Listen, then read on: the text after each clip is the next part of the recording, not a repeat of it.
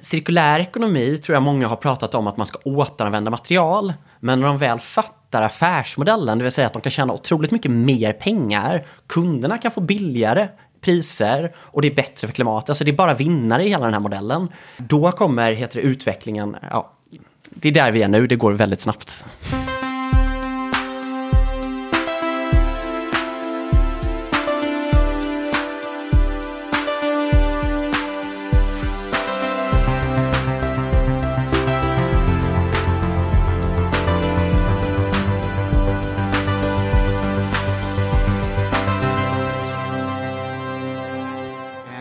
Undersökning och då menar de på att liksom 65% av Nordens befolkning vill lösa och tror att vi kan lösa klimatkrisen. Men de tror att det saknas plattformar för att lösa den. Så det måste vara enkelt för dem att kunna göra någonting. Eh, och ja, det är precis så jag ser det också. Så jag tyckte det var intressant. Bra, det blev en, det en bra ingång till detta. Där är här framtiden. Jag heter Christian von Essen. Idag är vi på Redgert Koms eh, lilla poddstudio. PR-byrån som drivs av Daniel Redgert. Eh, jag sitter här med Sebastian Rudenstam. Välkommen till podden. Tack, kul att vara här. Jag kan tänka mig att det är många härliga influencers som har spelat in poddar här. Ja, när vi är möten här ibland då är det bara influencers. Men jag känner inte igen alla. Man ser bara om de har coola kläder på sig. Ja, okej. Ehm, dyrt, dyrt men gratis så att säga. Precis. Du är eh, inte vd men medgrundare och eh, affärsutvecklingschef. Precis rätt. Ja, CBDO. CBDO, Ja. som en eh, drog. Ja, kanske det. För ett bolag som heter eh, Belleco. Ska vi... Eh, ja, du kan väl få eh, hisspitcha det på en gång. Vad ni, vad ni gör. Vad vi håller på med. Ja. Mm. Ja, men vi har byggt en plattform för att hyra produkter. Så att vi började med möbler och inredning och nu har vi börjat med teknikprodukter. Och det som är det coola med hela den här plattformen, det är att vi äger inga produkter. Så eh, när man gör en beteendeförändring, eller så som vi ser på att man gör en beteendeförändring, då måste man göra det i olika steg. Så först var vi mer en vanlig hyrföretag. Vi köpte in produkter, hyrde ut produkter. Men så hade vi hela tiden liksom en, ett mål med att vi ville gå till att vi bara faciliterar ett beteende. För att när man gör det, det är då det häftiga händer. Kan man låta dem som har tillverkat den här stolen som vi sitter på eller bordet eller vad det är fortsätta äga produkten, ja, men då har de ett incitament att skapa en så bra produkt som möjligt. För att de tjänar då pengar varje månad i form av en kickback. Så vi äger inga produkter och produkterna som är hos kunderna ägs inte av dem utan det är de här tillverkarna som äger dem då. Så det, det är vad vi har byggt och nu även mjukvara men jag tror vi kommer komma in på det kanske. Okej, ja. Och, och när du säger det så, så låter det väldigt enkelt. Men Mm. jag, jag har hört lite din story också i eh, den andra podden. Det finns ju fler poddar. Mm. Eh, som heter Vart är vi på väg? Eh, som går mer in på djupet på din bakgrund och sådär.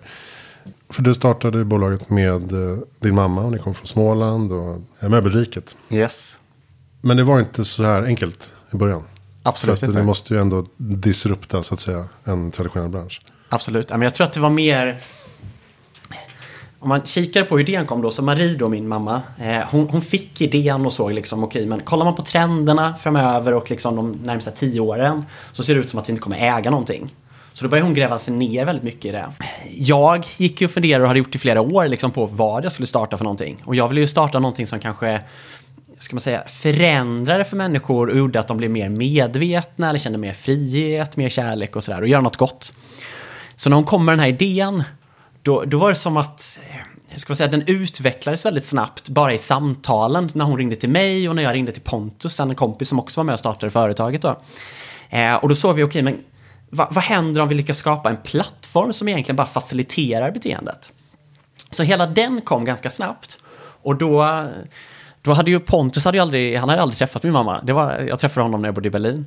Så då var det mer så här, okej men först måste vi bara lära känna varandra. Så han kom och bodde hos oss nere i, i Jönköping som jag är ifrån då. Och under de här veckorna, då började vi på något sätt snickra på en plan. Och den planen var då, okej, vi vill bli ett av världens största företag inom liksom sharing, det här delningsekonomin. Och vi vill bygga en plattform som kan nå väldigt många människor. Hur tar vi oss dit?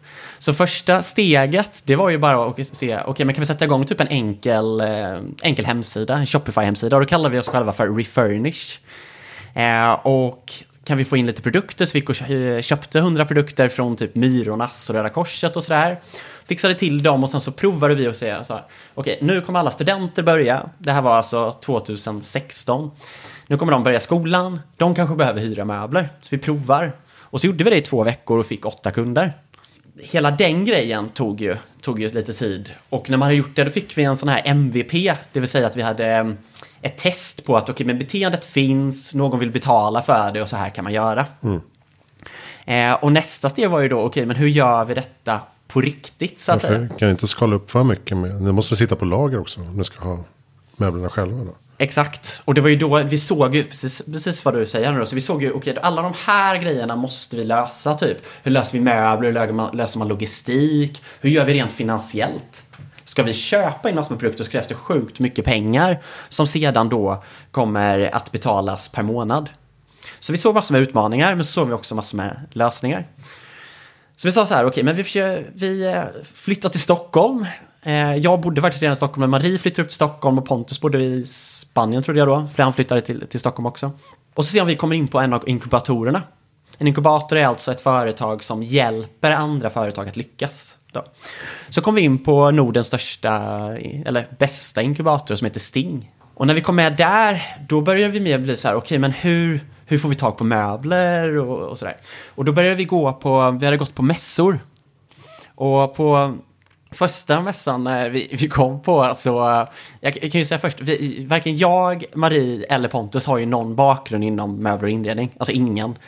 Eh, vi hade ett intresse men... Kanske desto bättre egentligen. Jag tror det, för att vi visste ju inte hur det funkade. Så när vi kom till första mässan och så går vi till... Men vi går och börjar prata runt och så säger vi så här, men vi ska hyra ut möbler och då är liksom folk nästan Alltså, de, jag säger inte att de hånar oss, men det var, ja, de skrattade precis till oss. Vissa, många ville inte ens prata med oss. Och sen så försökte vi förklara då för de som faktiskt blev lite intresserade, okej, men vi, vi kommer liksom finnas på internet. Och då sa de, ja, men vad har ni i er butik? Ja, men vi, vi kommer liksom inte ha en butik. Eh, och det var liksom helt ofattbart för dem då. Och det här är 2016 som sagt. Eh, så bara det var en utmaning. Först att vi skulle få hyra ut deras möbler. Vi skulle alltså köpa deras möbler. Men ändå få hyra ut. Och sen då att vi skulle... Ni skulle tjäna på dem sen. Det var ju liksom lite smutsigt då. Eller lite jag tror inte det var det. känsligt. Tror du inte det? Jag tror att det som var hela grejen. Det är att folk är rädda för förändring. Mm. Så de har då, säger vi, 100 återförsäljare runt om i Europa. Och alla de har en butik och alla de köper in och alla säljer. Och så kommer någon här och säger att de bara ska finnas på internet, de bara ska hyra ut. Och sen hade vi ju en tredje grej vi ville säga till dem och det var ju att de skulle äga möblerna. Men det, vi vågade liksom inte gå hela den eh, vägen. Nej. Ja, precis, för ni vill inte behöva hantera möblerna. Uh, ni vill inte behöva ta möblerna hem till er och sen ut. Utan ni vill ju att de ska ske Precis. sömlöst. Så ja, så vi vill ju bygga upp ett system framförallt där om tillverkaren fortsatte att äga möblerna då fick den ett incitament att tänka hållbart.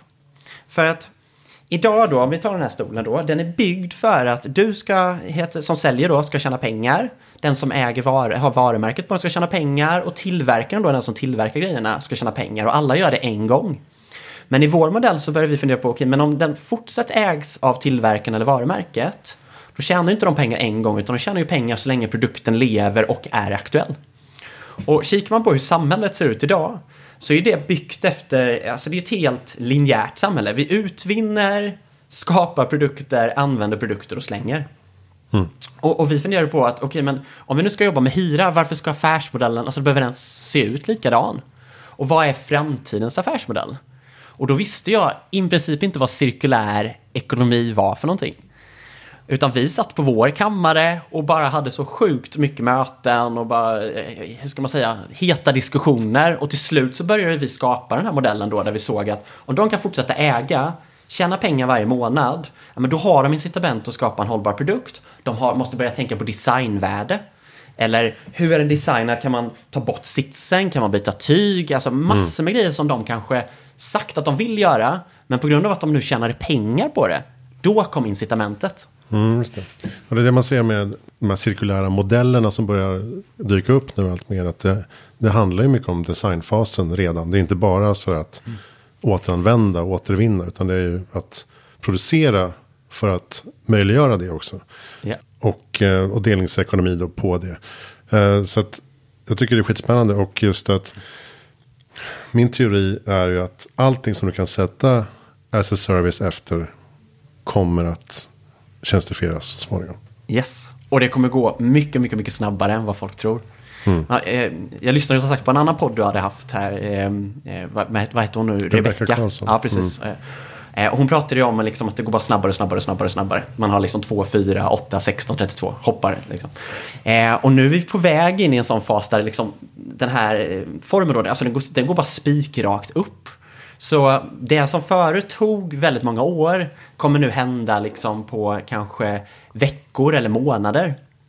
Eh, och när utvecklingen går så snabbt, då, då, är det så att om man inte har plattform eller om man som stor organisation inte anpassat sig, då kommer man bli omsprungna av liksom andra företag, andra mindre nya tekniker.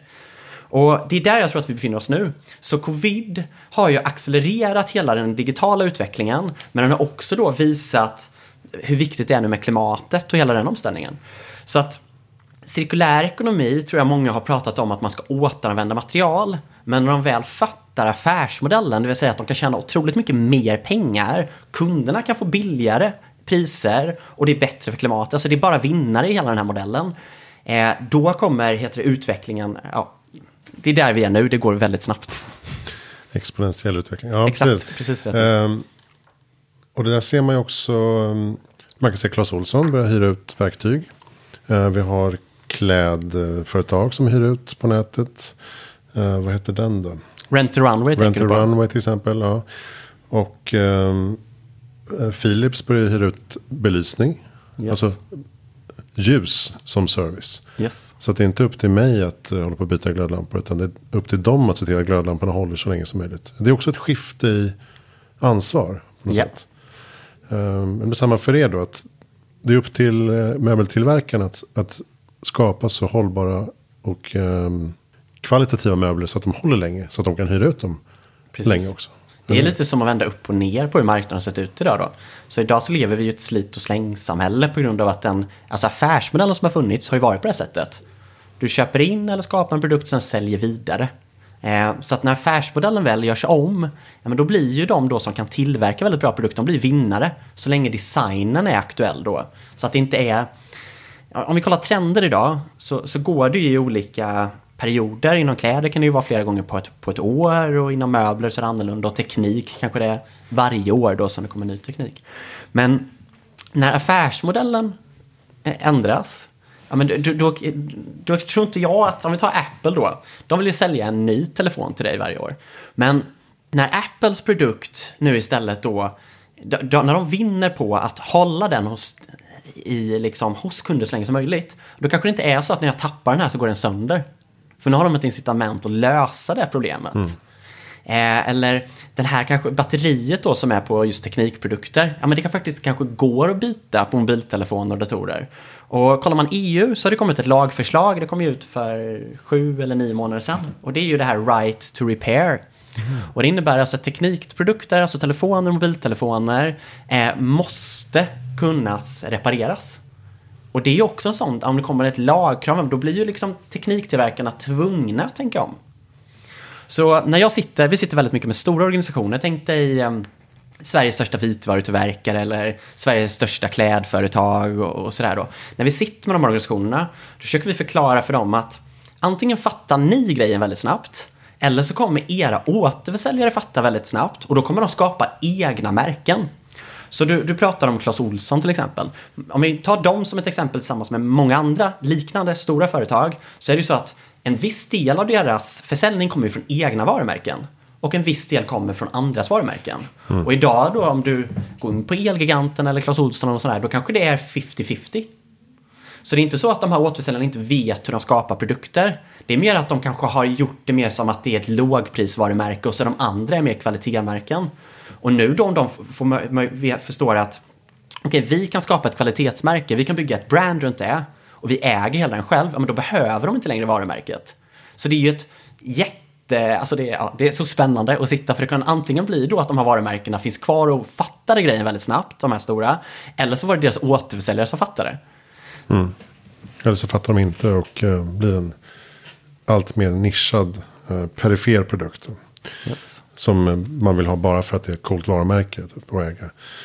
Så man kan tänka sig med bilar att för oss merparten som skiter fullständigt i vilket bilmärke jag kör omkring med. Så vill jag bara ha en bil. Jag vill bara ha en, en mobilitetslösning. Bilen är nog enda som jag liksom fortfarande äger. Och, för, och jag har ett lån på den. Och jag vill inte ha den. Jag vill inte äga den. Det, jag vill inte äga någonting. Det är jätteskönt skönt att bara hyra lägenhet, hyra sommarhus, hyra mobilitet. I förlängningen då kläder, teknik, möbler. Men eh, och du sa att ni hade tagit er in då i tekniksektorn också. Hur funkar det? Är, det samma upplägg? Mm. Så att om man kollar på vår marknadsplats då, bellico.com, den är fokuserad mot eh, B2B, alltså företag som kanske är någonstans 50-100 anställda om de ska inreda sitt kontor. Eller så är det större organisationer som ska lösa det här med nu hemmakontor eller ja, the, new normal. Då är det, så. det är en annan kundgrupp. De fokuserar vi på där och då funderar vi på okej, men vilka andra produkter behöver de mer än möbler till sina kontor? Ja, men de kanske behöver datorskärmar, datorer, mobiltelefoner. Så det är någonting vi har börjat testa vissa teknikprodukter. Vi kommer lansera mycket större här nu under det här året med, med andra produkter, typ datorer och mobiltelefoner. Eh, och det bygger på samma sak. Så man har någon som äger produkterna som då får ett incitament och börjar börja fundera i de här banorna. Vilka produkter ska vi välja? Ska vi kanske ta den med bäst kvalitet och inte sämst kvalitet? För det är ju det vi har sett inom möbler, när vi kollar på möbler. Vi jobbar jättemycket med ett varumärke som heter Flock. De är störst i Europa på, på arbetsstolar. Eh, och de har fyra eller fem varumärken som oftast, de kontoren som finns i Sverige, de har säkert en stol från Flock, bara att det är ett annat varumärke. Mhm. Och, och det som är intressant där, det var att när vi skulle, de skulle gå in i vår modell, då tog de det liksom deras bästa produkt. För de förstår att om den håller så länge som möjligt och den är som mest hållbar, man kunde byta tyg och jada, jada, jada. Då förstod de att de kan tjäna pengar så länge som möjligt. Men vi kunde också då komma ner i en prisbild som blir aktuell. För det handlar ju väldigt många, mycket om att hitta rätt pris till kunden. Själva mjukvaran som vi har byggt upp, det är liksom massvis med olika, mm, det kallas för microservices, men det är olika program kan man säga som vi har, vi har lagt nästan 30 miljoner kronor nu på två och ett halvt år på, på att bygga de här då. Och det började egentligen som att vi ville börja hyra ut en produkt och så märkte vi att det finns inga system. Det är liksom, alla system idag är bara byggda för en linjär ekonomi med att det kanske kommer returer. Med att det finns ett B-lager och sen går ut igen då. Men det finns inga, inga, inga system som vi kunde hitta som var liksom på unik identitet. Det finns olika ägare, ägarna ska få pengar, jada, jada. Så vi byggde massor med olika, olika de här systemen. Och egentligen så kan du använda de här systemen för vilken produkt som helst. Så vi har valt att fokusera nu på B2B på vår marknadsplats.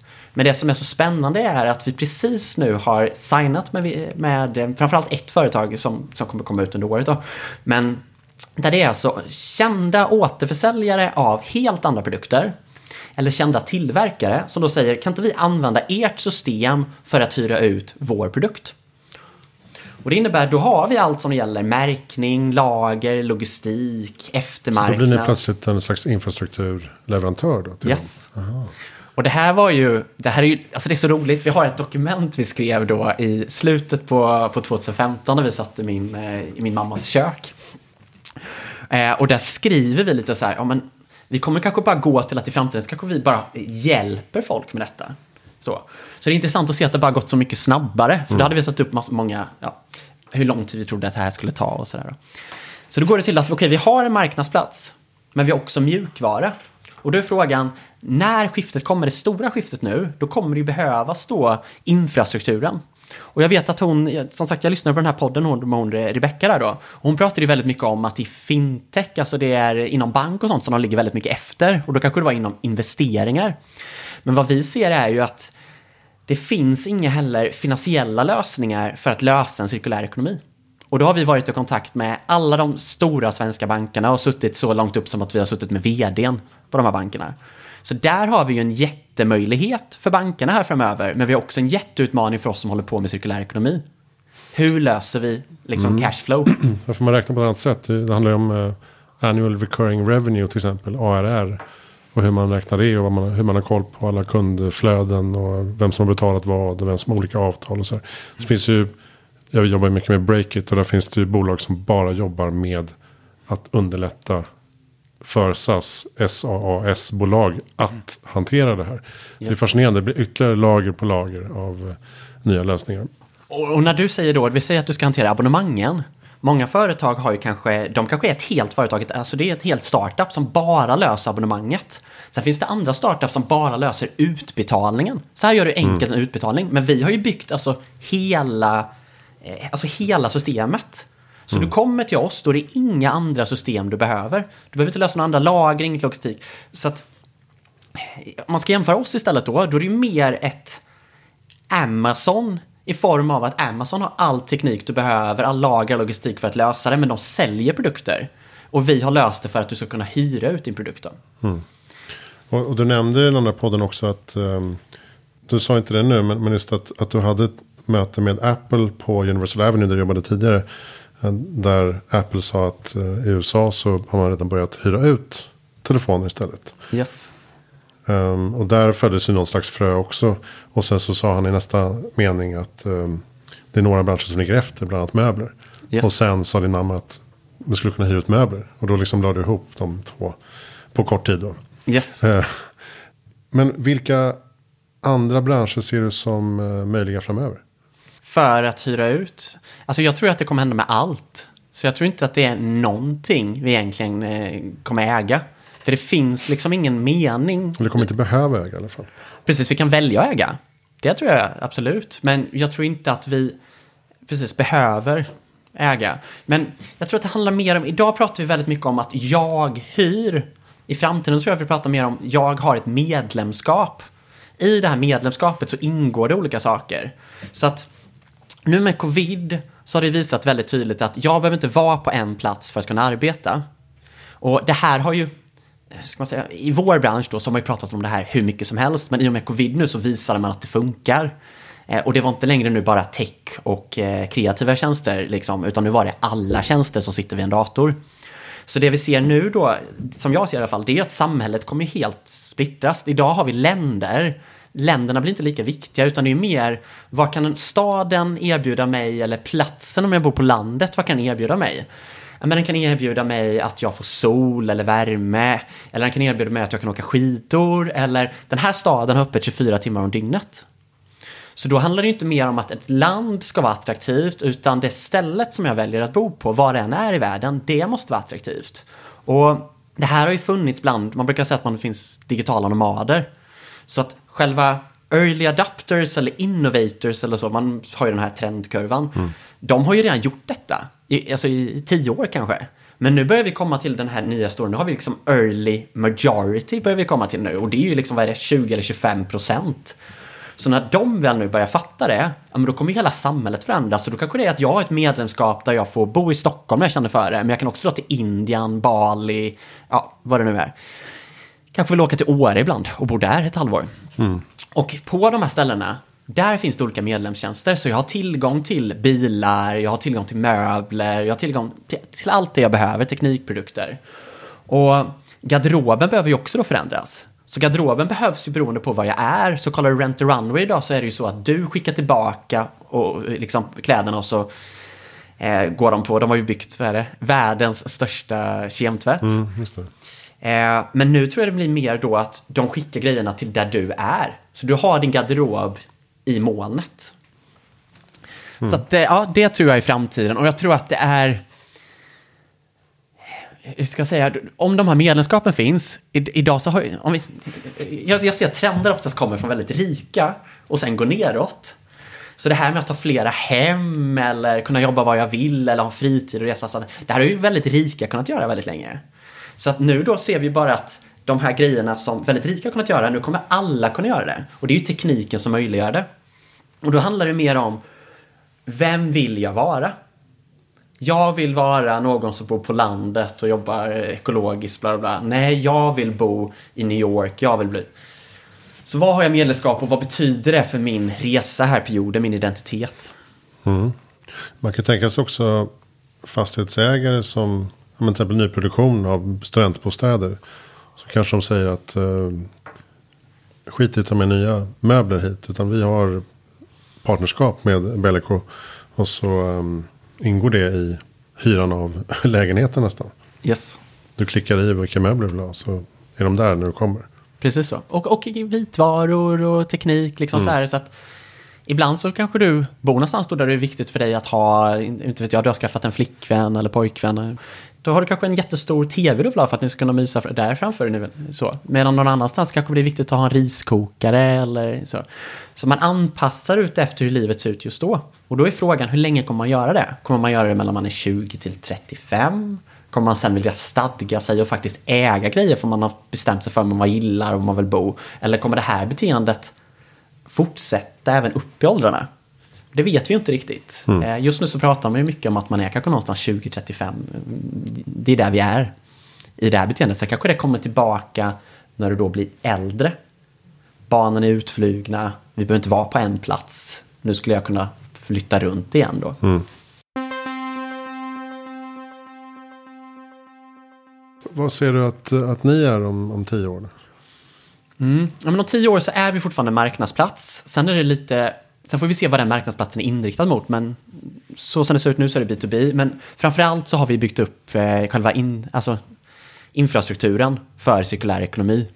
Och det kommer ju inte bara vara alltså de här tjänsterna som jag förklarar för att hantera abonnemang, utan då är det ju även eh, att vi är ett finansbolag, eh, vilket vi inte är idag. Eh, försäkringsbolag, det kan vara så, eller så jobbar vi och har partnerskap med ett försäkringsbolag, det, det får vi se. Men vi har nästan som att man går in och väljer, jag behöver den här och den här och den här och den här tjänsten för att kunna hyra ut min produkt. Och sen då så är det upp till den som använder det här, om det är då ett företag, en tillverkare eller vad det är, att välja om man vill visa varumärket eller inte visa varumärket. Så jag vet inte ens om vi kommer synas, vi får ju se. Mm. Utan mer att vi har en marknadsplats för produkterna måste, även om de var tydliga, så måste de hamna någonstans. Så det kanske måste finnas en marknadsplats där alla produkter kan hyras på en faktura. Eh, eller ett abonnemang. Men framförallt så har vi byggt upp själva in infrastrukturen. Mm. Så att du, vi säger att du får en idé. Eh, vi säger att du vill hyra, du vill skapa ett klädmärke. Då kan du enkelt gå in, starta och bygga upp din frontend, alltså du kodar i, i, i programmet. Du eh, lägger till hur, hur du vill sätta upp abonnemangen, var du ska sätta lager, logistik och allt sånt där. Så du går bara in och bygger allting helt digitalt, så du kommer aldrig egentligen behöva röra produkterna. Och det är att få ihop allt det. Så idag finns ju alla de här tjänsterna. Du kan göra det här och det här och det här, men det finns inte ett ställe du kan gå till där du kan bara klicka i alltihop då. När insåg du att det var det här ekosystemet som ni byggde och inte bara en möbeltjänst? 2018, 2019 däremellan ungefär. Mm. Vi har ju haft så otroligt många möten där vi verkligen låter oss alltså, gå väldigt långt. Vi ser bara hur långt kan vi gå i de här mötena. Och ibland så blir det ju att man, det blir väldigt liksom, mycket diskussioner och det är mycket känslor och sådär. Men det kommer alltid ut någonting här borta. Eh, och genom att vi har haft dem då så börjar vi bara se, okej okay, men om, om vi ska göra någonting för klimatet, för att vi drivs av lite olika saker. Jag tycker klimatet är superviktigt, det är en av mina stora. Men för Marie är det den allra viktigaste. Medan för mig är den allra viktigaste att skapa frihet. Så att frihet först, sen klimatet. Det är liksom hur det går för mig. med Maria är liksom klimatet då. Och då var det så här. Om vi ska fortfarande hantera allting, hantera allas produkter och bygga den här marknadsplatsen, då kommer det ta längre tid, såg vi. Men kan vi bygga en mjukvara och bygga upp själva infrastrukturen där vi kopplar ihop alla de här spelarna. Det är inte vi som kanske har lagret, men vi samarbetar med ett av världens största företag för tredjepartslogistik som, ja, du tror du fattar. Då kunde du kunna skala mycket snabbare. För vi ser att vi har inte så lång tid. Ska vi göra den här förändringen i samhället och spara mycket CO2, då, då, måste det gå väldigt snabbt. Så vi har ju satt upp ett mål på 10 år. Jag vet att vissa pratar om 2050 och sådär, men vi ser ju att det är 2030. Det är där tills dess vi måste ha gjort störst förändring. Och kikar man på den här affärsmodellen, det har ju forskats mycket på det. Eh, känner du till RISE? Mm. Det, det, det, är ju ett forskningsinstitut och de har lagt 19 miljoner kronor då på att forska på affärsmodeller nu de senaste åren. Och de kommer fram till att den här affärsmodellen då med att man fortsätter äga produkten, de, de som tillverkar den, det är framtidens modell. Och på, varför det är det? Det är på grund av allt vi sa förut, då, att man kan tjäna mer pengar, det blir billigare för kunderna och bättre kvalitet och allt sånt där. Men framförallt så sparar det väldigt mycket CO2. För det är i tillverkningen som den största CO2-påverkan ligger. Och kan vi då skapa en produkt som är tankad att den ska leva så länge som möjligt, ja men då sparar vi väldigt mycket. Så jag tror att i första skeden så pratar man alltså upp till 50% och sen börjar vi gå upp ändå mer, så vi börjar närma oss 80% beroende på hur, hur mm. länge då. Så det, det är ju en, en möjlighet. Och om samhället nu ändå ska gå till hyra, varför ska vi ha, hålla kvar de gamla affärsmodellerna? Precis, för det är inte nödvändigtvis transporterna som är den stora boven, som många tror. Ja, transporterna, det här var jätteintressant för alla pratar ju alltid om transporterna. Men det, det, man kom fram till då, det var att transporterna står för 2% av klimatpåverkan just då. Eh, och i den här modellen som vi använder så ökar det till 5%, så det, det mer än dubblerar. Men själva eh, sparandet var ju alltså, mer än 50% i alla fall på grund av att tillverkningen går ner. Mm. Så alltså, produktionen går ner och nyttjandegraden går upp, det är det som är det häftiga. Mm. Så då blir transporterna så som de ser ut idag inte lika viktiga. Men vi är ju väldigt snabbt på väg in i en... Eh, man brukar prata om något som kallas för floating inventory. Har du hört talas om det? Mm, nej. Det är eh, Ericsson har tillsammans med många av de stora transportföretagen, DHL och ja, många stora olika bolag kollat på att om samhället nu då bara blir tjänstifierat då blir det egentligen bara produkter som byter användare. Och om de byter användare då blir det bara som ett stort logistiskt nät. Och i det så ingår ju allt det här som händer nu då, det vill säga att vi har AI, alltså bottar som kör runt det här. Man har Internet of Things, det vill säga att allting har sensorer på sig och pratar med varandra. Eh, och sen så går det på el. Och de koordineras också, transporterna. Yes. Så att inte halvtomma lastbilar kör upp och ner till Luleå. Precis. Och om det blir det här då, som allting visar på att det ska bli, då måste ju systemen kunna hantera detta. Och om det här går väldigt, väldigt, väldigt snabbt, då måste eh, om inte samhället, alltså regeringen hänger med på det, då måste alltså privata företag göra det. Och det är vad vi ser hända nu då. Så Ericsson eller Logtrade är bara ett mm. par av företagen. I det, då har vi inte heller att det kanske gör så, så mycket CO2. För elen kommer från sol eller från vind. Och, ja. Så då blir det egentligen bara ett samhälle där du gör inte åt så mycket CO2 utan produkterna hoppar bara runt. Och det är inte vi som gör det utan det är datastyrt vilket innebär att det görs på ett mycket bättre sätt än vad vi människor har kunnat göra. Och då kommer vi till den ändå mer intressanta frågan. Vad ska vi göra? Mm. Meditera. Precis. Nej men eh, jag tänkte komma in på det. Du nämnde det tidigare. Att du eh, har snöat in mycket på så personlig utveckling. Och den typen av eh, fritidsaktiviteter som syftar till någon slags själslig tillfredsställelse på olika sätt. Kan inte du berätta vad, vad du, ehm, vad har du sett i, i den lilla resan? Mm. Eh, jag tror det började med, alltså när jag var barn så var jag ju väldigt mycket så här att jag jag tror alltid jag har tänkt så här att ja, men det löser sig. Det är nog den, mitt mantra som har varit alltid. Men det löser sig har jag alltid sagt. Så det har ju funnits någonting, någonting i mig som har en känsla av att ja, men, grejer blir bra om du tänker att det blir bra. Det har funnits med under hela mitt liv då. Men sen i början av min 20-årsålder så hade jag olika upplevelser och eh, när jag hade de här upplevelserna så, så eh, var de väldigt spirituella. Det vill säga att jag fick börja ifrågasätta verkligheten och ifrågasätta varför saker var som de var. För mig var det väldigt så här, okej okay, men vad är möjligt? Och i, i samhället idag så pratar man väldigt mycket om vad som är möjligt rent liksom vetenskapligt. Men vad händer när man lägger till ytterligare en dimension som man kanske inte riktigt har förstått? Och det finns ju religion, religion är ju jättestort i samhället och det finns ju även spirituella ledare som pratar om, om det andliga. Men det har aldrig tagits in i västvärlden på samma sätt som så. Så jag började utforska det här jättemycket. Eh, och det är ju allt från meditation till yoga. Men jag har också varit i Peru till exempel och gjort ayahuasca. Som, eh, som jag inte om du känner till. Mm -hmm. ja. Eh, så jag, jag har ju provat allt du kan tänka dig. Jag har gått medium och healers och ja. Och det handlar ju om var, vad kan människokroppen uppleva? Kan den uppleva mer än det vi ser framför oss? I det då så har jag ju landat i att okej, okay, men alkohol kanske inte är något så bra, för det drar ner energin. Så jag slutar dricka. Eller maten jag drar i mig, den håller ju en viss energi. Så om jag drar i mig den energin då, då kommer den påverka min kropp. Så det jag äter är det jag blir. Så gick jag över till att bli vegan. Och sen då tänker jag, okej, okay, men det man tänker under 24 timmar, ja men det är det som kanske kommer skapa morgondagen. Så det jag gör idag skapar imorgon. Så det jag fyller de här 24 timmarna med, det är det som skapas. Så fyller jag det då med positivitet, ja men då är det ju det som också skapas framöver. Till slut så börjar jag väl komma till eh, en punkt där jag börjar tänka så här, okej okay, men kan jag använda den här spirituella sidan för att nå ut med företaget? Så då funderar jag väldigt mycket på att om vi leker med att människor skulle kunna bli mer medvetna oavsett hur vi nu bestämmer vad medvetenhet är. Mm. Men vi säger att folk skulle kunna bli mer friare, känna mer sinnesro, känna mer kärlek, positiva saker som vi ändå tycker i samhället. Hur skulle vi kunna få ut det? Och då skulle man kunna göra så att ja, men, man går och pratar, föreläser med i en sån här podd till exempel då, och pratar om det.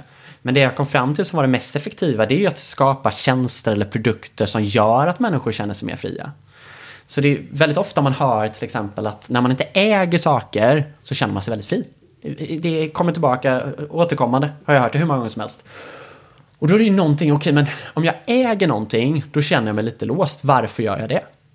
Okej, skulle man kunna bygga en tjänst som tar bort ägandeskapet? Ja, men det är det vi gör med Bellico då. Finns det något annat vi skulle kunna göra? Om människor förstår att om jag tänker en tanke, finns det någon annan människa som också tänker den tanken? Skulle man kunna skapa någonting kring det, att folk känner en samhörighet? Ja, men då kanske de känner sig, mår bättre och känner att jag är inte ensam med den här tanken. Och så finns det ju massvis med saker du kan göra. Så jag ser att det är med tekniken som jag vill göra något gott. Och det är där jag ser möjligheterna. Och sen är det ju bara hur långt vill man ta det. Mm. Det och ja, det finns väl många olika nivåer på det här men eh, jag tycker det mest intressanta som jag pratade om i en annan podd jag var med i. Och eh, då var det så här, vad, vad är det bästa? Jag tror han frågade, jag kommer inte ihåg, din bästa idé tror jag han sa. Och min bästa idé, och det, det som sagt som jag sa då, det är en väldigt flummig grej. Men det är att mänskligheten utvecklas hela tiden. Och nu börjar vi komma till stadier där vi börjar förstå väldigt mycket då. Eh, förut har vi förstått i en viss takt, men med tekniken så går det bara snabbare, snabbare, snabbare. Kommer vi komma till en, eh, liksom komma till en tid där vi egentligen fattar det mesta om hur, det här, hur den här jorden är uppbyggd. Och vad händer då? Sker det en medvetande förändring? Och då snubblar jag väldigt mycket in på tid. För det mesta i samhället kan vi liksom se att allting är uppbyggt på något sätt. Det här glaset, bordet, kroppen, tankar, vad det än är, uppbyggt på något sätt. Men vi ifrågasätter nästan aldrig tiden. Och tiden säger vi oftast att det är liksom dåtid, nutid, framtid. Den är på något sätt linjär och vi rör oss framåt. Men vad skulle hända om tiden inte är linjär utan den utgår bara från nu hela tiden? Så man utgår från att nu, nu, nu, nu, nu, nu, nu, nu. Det innebär att det finns ingen dåtid eller framtid, det finns bara ett nu. Och skulle man ändra tankesättet kring det, då kanske man skulle känna sig mycket mer fri.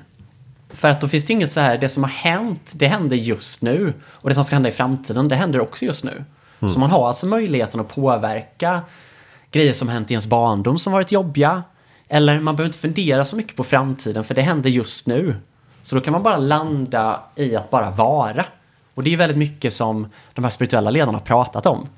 Men jag tror att vi kommer komma till en punkt nu där samhället förstår det i en större skala. Att man kan liksom börja gå ur rädslan och in i kärleken och det låter ju också ändå mer flummigare. Jag förstår att det låter flummigt men det ja, finns men, en, ett lugn i det. Ja, tid är ju någonting vi hittat på själva så att säga. Så att det är väl någon slags mindful approach du är inne på där. Ja, och, och framförallt så tror jag det är att om vi leker med att tiden inte är linjär utan att den händer just nu. Skulle det kunna vara så, och det här är ju bara en, en tanke man skulle kunna spela med, kan det vara så att framtiden är förutbestämd? Och det skulle ju mitt ego då gå igång på ganska snabbt och säga, men va? Vad finns det för mening? Men om man skulle kunna börja landa i att det är så, då skulle du kunna erbjuda en ganska stor frihet för jag behöver inte oroa så mycket utan jag kan vara här i nuet och sitta och lyssna och prata med dig. Jag kan äta maten eller vad det än jag gör i nuet. Jag behöver inte fundera så mycket på vad som händer framöver. Det, Nej, det, det... Och, och, det jag landar i ofta är ju att um, vi skapar ju framtiden. Alltså vi bestämmer hur vi vill att den ska vara. Mm. Uh, man får komma bort ifrån det här att det är någonting som bara händer. Mm. Uh, någonting som sköljer över oss. Uh, för då tar man ju en passiv roll. Då mm. ifrån säger man ju sig ansvar på något sätt. Mm. Men kan man komma in, kan fler landa i att så här, men vi bygger framtiden hela tiden. Som du säger, varje nu, nu, nu, nu. Då um, tar man också större ansvar för vad, vad som sker framöver. Ja, och man kanske tar nuet mer seriöst. Mm. Så det, är, det är lite två skolor där ju. Så ena är ju då att man kanske släpper lite ansvaret på ett sätt och den andra är då att man skapar det. Men båda två utgår från ett nu. Jag kan inte vara i framtiden för den finns ju inte än utan det är nuet bara som finns. Mm. Och dåtiden har ju redan hänt men jag, jag, det enda jag har tillgång till är här i den här sekunden. Så att om jag är närvaro, alltså full närvaro här, då kan jag ju lyssna och se och ta upp detaljerna som är i det här rummet, ta upp färgerna, känslorna, vad, vad det än är.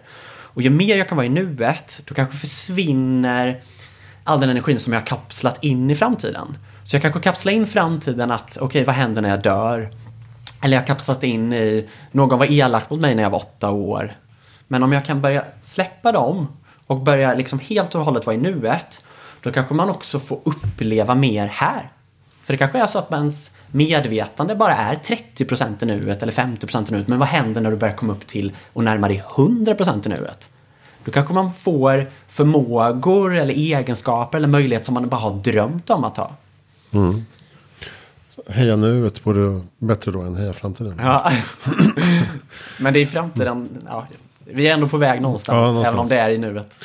Eh, jag brukar ju ställa någon liknande fråga. Men det var ditt bästa tips för att göra världen bättre i framtiden? Mm, jättebra fråga. Jag tror att den enda som man kan hjälpa, det är sig själv.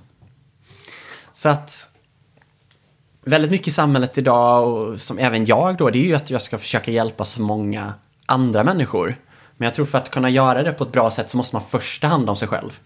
Så när jag startade det här företaget så var det ju liksom då fick jag ju se över, okej okay, men alkohol och mat och träning och allt, allt vad man kunde göra då. Hur kan jag förändra allt detta så att jag blir mitt bästa jag? Och när jag har blivit mitt bästa jag, då kan jag ge, ge tillbaka. För innan dess så kanske det är ett trauma som gör att jag vill hjälpa någon. Det kanske inte är jag utan det är ett trauma. Men när jag släpper allt det, då gör jag någonting utifrån nuet, utifrån kärleken. Ja.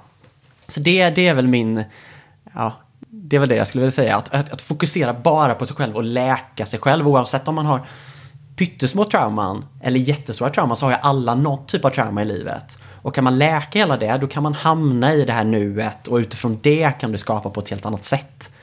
Så ja. Precis, eller att man agerar utifrån skam och skuld och dåligt samvete och så här. Precis så.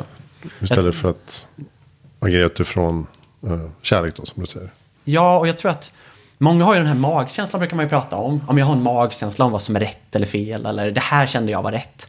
Men ibland så tror jag att man kanske eh, blandar ihop magkänslan som är någon form av intuition med att det är ett trauma som leder det. Så man har till exempel att eh, jag vet inte, jag har suttit i en podd tidigare, för många år sedan säger vi då. Mm. Och i den här podden så hände massvis med grejer, så jag förträngt det säger vi då. Och när jag i framtiden, tio år senare, kommer in i ett poddrum så bara känner jag direkt att här vill inte jag vara. Det har ju ingenting att göra med att min intuition försöker säga mig att jag inte ska vara där. Utan det är ju ett trauma som säger att här finns det någonting som inte är bra. Det är någonting du inte har ja, bearbetat. Så jag tror mycket att försöka separera vad är intuition och vad är trauma. Så jag tror också väldigt mycket den närmsta tiden. Alltså vi, om man kollar i samhället så har vi haft en utveckling då med teknik som har liksom gjort att information kan spridas. Och sedan så förstod vi liksom att träning är bra. Vi har börjat förstå nu vad händer med maten. Men när vi fortfarande har gjort alla de här sakerna, vi kan prata och få information till precis vad som helst. Vi tränar och har liksom en bra kropp, vi äter rätt men så mår vi fortfarande dåligt. Ja men det är ju då vi börjar, kommer komma, kolla, kolla på psyket. Och då kommer det ju den här nya om vi tycker att det här med hållbarhet har varit en stor grej och sen datasäkerhet och allt det där. Ja, det här med alltså att förstå psyket kommer ju bli, alltså det kommer bli så enormt stor grej. För det är någonting alla människor kommer kunna liksom bearbeta och kunna arbeta med då. Mm. Så att eh, ja, det är väldigt spännande. Har du några bra lästips?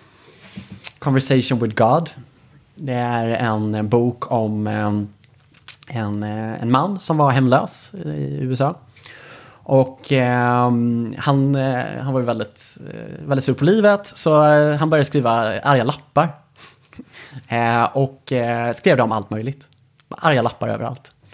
Och sen en dag så ska han skriva en arg lapp till, till Gud. Någonting som han inte tror på, men han väljer ändå att skriva liksom en arg lapp till, till Gud. Då. Och där börjar boken. Mm -hmm. Jätte, jätte Eh, in, alltså man får sig verkligen en tankeställare när man läser den. För den är skriven lite som att, eh, ja, conversation with God, då, att de har ett samtal. Då. Så det är en, det är en jättebra bok. Eh, en annan bok som, som, som jag tycker är väldigt bra är någonting eh, som handlar om medberoende. Som också är jättestort i samhället men ingenting vi pratar om. Eh, och det är en bok som heter Hemligheten. Det är inte den här The Secret, utan Hemligheten det är en, en svensk bok med Egil Linge och Dan Josefsson. Tror jag. Okay. Mm, de två böckerna skulle jag verkligen rekommendera. Um, vem tycker att jag ska intervjua i Framtiden? Ja, om du inte har intervjuat Fredrik Svedberg så tycker jag att du ska göra det. Men eh, jag kommer att tänka på en annan som verkligen bygger framtiden. Det är en kille som heter Daniel Artursson. Mm -hmm. Han eh, gjorde, du vet vad iCloud är för någonting? Mm. Mm. Det var det han som sålde det sen till, till Apple som sen blev mm. iCloud. Då. Eh, och nu har han ett nytt företag som eh, heter Cloud Backend. Och de bygger också infrastruktur för det nya samhället. Och jag tycker det är, alltså det är mindblowing att sitta och prata med honom. Så att eh, får du möjligheten, jag kan koppla ihop dig, så mm. tycker jag verkligen du ska intervjua Daniel. Coolt. Då avrundar vi här. Tack snälla Sebastian Runestam för att du kom till Heja Framtiden. Mm, tack, tack så mycket. Eh, spännande, vi, vi, jag tycker vi hann med det mesta. Mm. Kolla in eh, belekmec.com eh, för mer information om hur ni jobbar och vad man kan hyra istället för äga. Precis. Och det kommer fler och fler saker. Hejaframtiden.se där hittar alla intervjupersoner och information om mina projekt och föreläsningar och magasin. Jag heter Christian von Essen. Vi sitter på Redgert Koms PR-byrån här i Stockholm, Sturegatan. Tack för att vi får vara här och tack för att du lyssnar. Hej då. Hej.